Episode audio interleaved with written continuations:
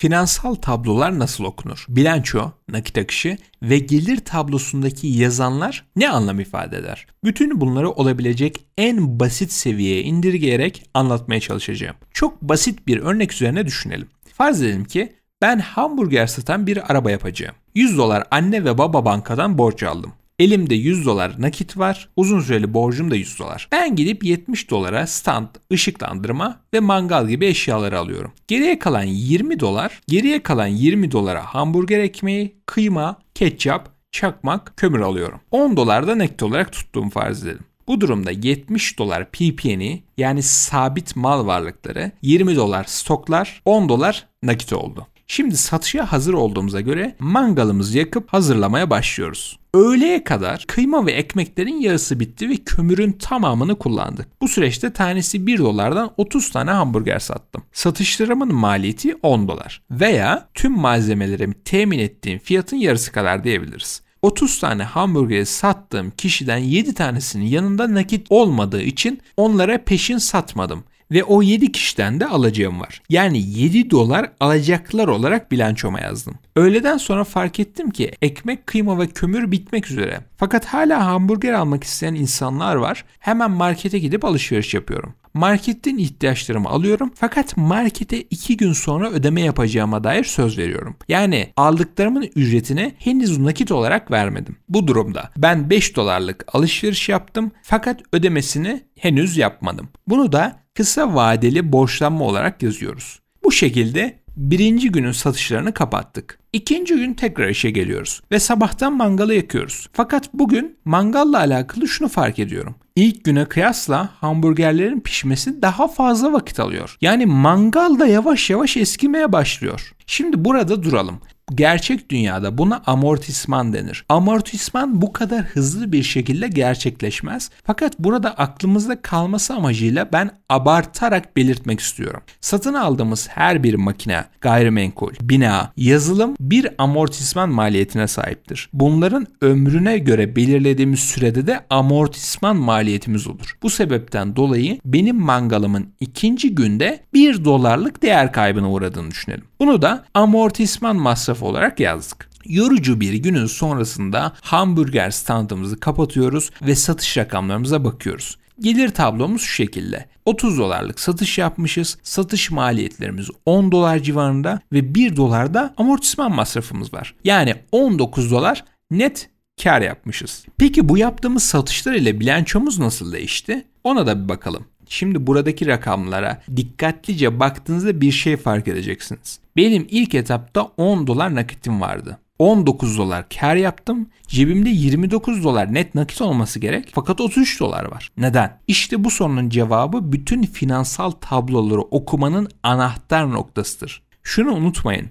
Net kar, net nakit akışı değildir. Bir daha tekrar ediyorum. Net kar, net nakit akışı değildir. Şimdi gelin nakit akışı tablosuna geçip bu olayı bir çözelim. Şunları hatırlayalım. Benim ikinci günde 1 dolarlık bir yıpranma masrafım olmuştu. Fakat bu 1 dolar muhasebe kurallarına göre gelir tablomda masraf olarak yazıldı ve benim karımı düşürdü. Ama benim cebimden 1 dolar çıkmadı ki. O nakit hala benim cebimde. Ben gidip mangal alana kadar da henüz cebimden çıkmayacak. İşte ilk 1 doların kaynağı buradan geliyor. Yani amortisman masrafım nakit akışıma ekleniyor. Şimdi ilk günü bir hatırlayalım. Ben ilk başta 20 dolarlık stok hazırlamıştım. Fakat öğleye kadar satışlarımın artmasıyla beraber benim stoklarım 10 dolara kadar düştü. Sonra hemen markete girip tekrardan 5 dolarlık stok aldım. Yani 20 dolardan 10 dolara düştü. Sonra 15 dolara çıktı. Hazır mısınız? İkinci önemli nokta da geliyor. Ben normalde 20 doların tamamını cebimden nakit olarak vermiştim ilk etapta değil mi? Fakat sonra bakkala gidip 5 dolarlık ekstra ekmek, kıyma, kömür aldığımda onu krediyle aldım. Yani borcumu henüz ödemedim. İşte oradaki 15 dolarlık stokların 5 doları benim borç ile finanse ettiğim stoğum. Şimdi bunu aklımıza yazdık. Ayrıca şunu da hatırlayalım.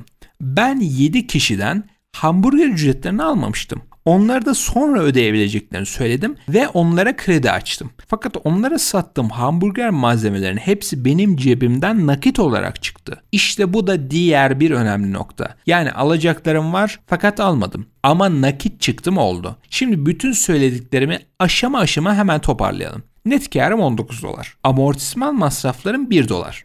Bunu ekledim. Artı 10 dolarlık hamburger sattım ve bana bunun maliyeti bu kadardı. Yani stoklarıma yazılan rakam buydu. O stoklarımı sattığıma göre ekstra 10 dolarlık nakit akışı sağladım. Eksi 5 dolara market malzemesi aldım. Fakat bunu henüz ödemediğim için artı 5 dolar olarak da ödenecekler olarak yazdım.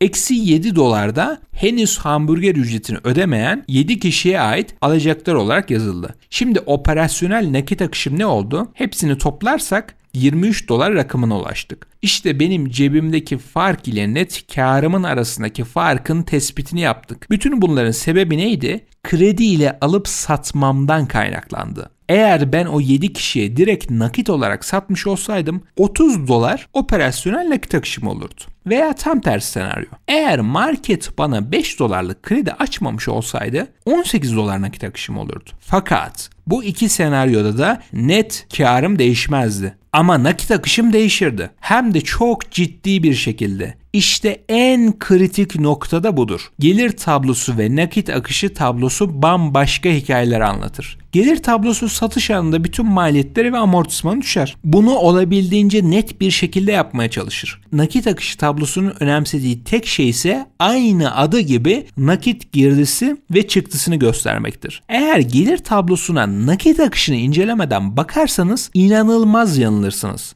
nakit tablosu çok kritiktir. Zarar eden bir firma aslında pozitif nakit akışı sağlıyor olabilir. Bakın tekrar ediyorum. Net zarar gösteren bir firma pozitif nakit akışı sağlayabilir. Kar gösteren bir firmada negatif nakit akışı sağlayabilir. Yani bu tablolar beraber incelenmelidir. İşte bu da finansal tabloları incelemenin en kritik kuralıdır. Net kar ile operasyonel nakit akışı arasındaki fark bize iyi ve kötü firmayı tespit etmekte çok işimize yarayacaktır. Bu basit konsept bizim hayatımızı analiz ederken inanılmaz kolaylaştıracak. Şimdi hepsini bir özetleyelim. Bilanço firmanın mal varlıklarını ve yükümlülüklerini gösterir. Firmanın ne kadar sabit mal varlığı olduğunu, stoklarını, alacaklarını, ödeneceklerini, uzun süreli borçları her biri bilançoya yazılır. Unutmayalım ki bilanço belirli bir zamana aittir. Yani hazırladığı günkü mal varlığı ve yükümlülükleri gösterir. Sanki bir işi dondurmuşsunuz ve o anda fotoğrafını çekmişsiniz gibi. Gelir tablosu bir firmanın yıl boyunca veya bir çeyrekte yaptığı satışları gösterir. Satışlarının maliyetleri, amortisman masrafları, faiz ödemeleri, yönetim, dağıtım, reklam giderleri hepsi gelir tablosuna yazılır bilançodan farkı belirli bir zaman aralığını anlatır. Yani bilanço fotoğraf ise gelir tablosu videodur belirli bir süreçte yaptığımız satışların kamera ile çekilmiş halidir. En son olarak da nakit akışı tablosu. Nakit akışı tablosu ne kadar nakit girip çıktığını gösterir. Gelir tablosunda yazılan karın ne kadarını nakit akışına çevirebildiğimizi, ne kadar borç aldığımızı, ne kadar temettü ödediğimizi, yatırım yaptığımızı hepsini nakit akışı tablosundan yakalarız. Buradaki en kritik nokta kredidir. Bize karşı açılan kredi ve bizim açtığımız kredi nakit akışı yani döner sermayemizi değiştirir bize karşı açılan kredi veya bizim karşı tarafa açtığımız kredi nakit akışı ve gelir tablosu arasındaki farkı belirlediği gibi iyi ve kötü firma arasındaki farkı da belirler. Bundan dolayı nakit akışı tablosu hayatidir. Çünkü bu açtığımız krediler bizim aynı zamanda bağladığımız sermaye de demektir firmaların satışlarının artmasıyla beraber bağladıkları döner sermaye yani alacakları ve verecekleri arasındaki dengeyi de aynı şekilde yönetmeleri gerekir. Aksi takdirde gelir tablosuna net kar yazmak çok kolaydır. Fakat bunu nakit akışına çeviremediğimiz sürece hiçbir anlamı yoktur. Bu fark birçok girişimci ve yatırımcının gözünden kaçırdığı en önemli noktalardan bir tanesi. Umarım finansal tabloları kısaca özetleyebilmişimdir. Videoyu beğenmeyi ve paylaşmayı unutmayın. Görüşürüz.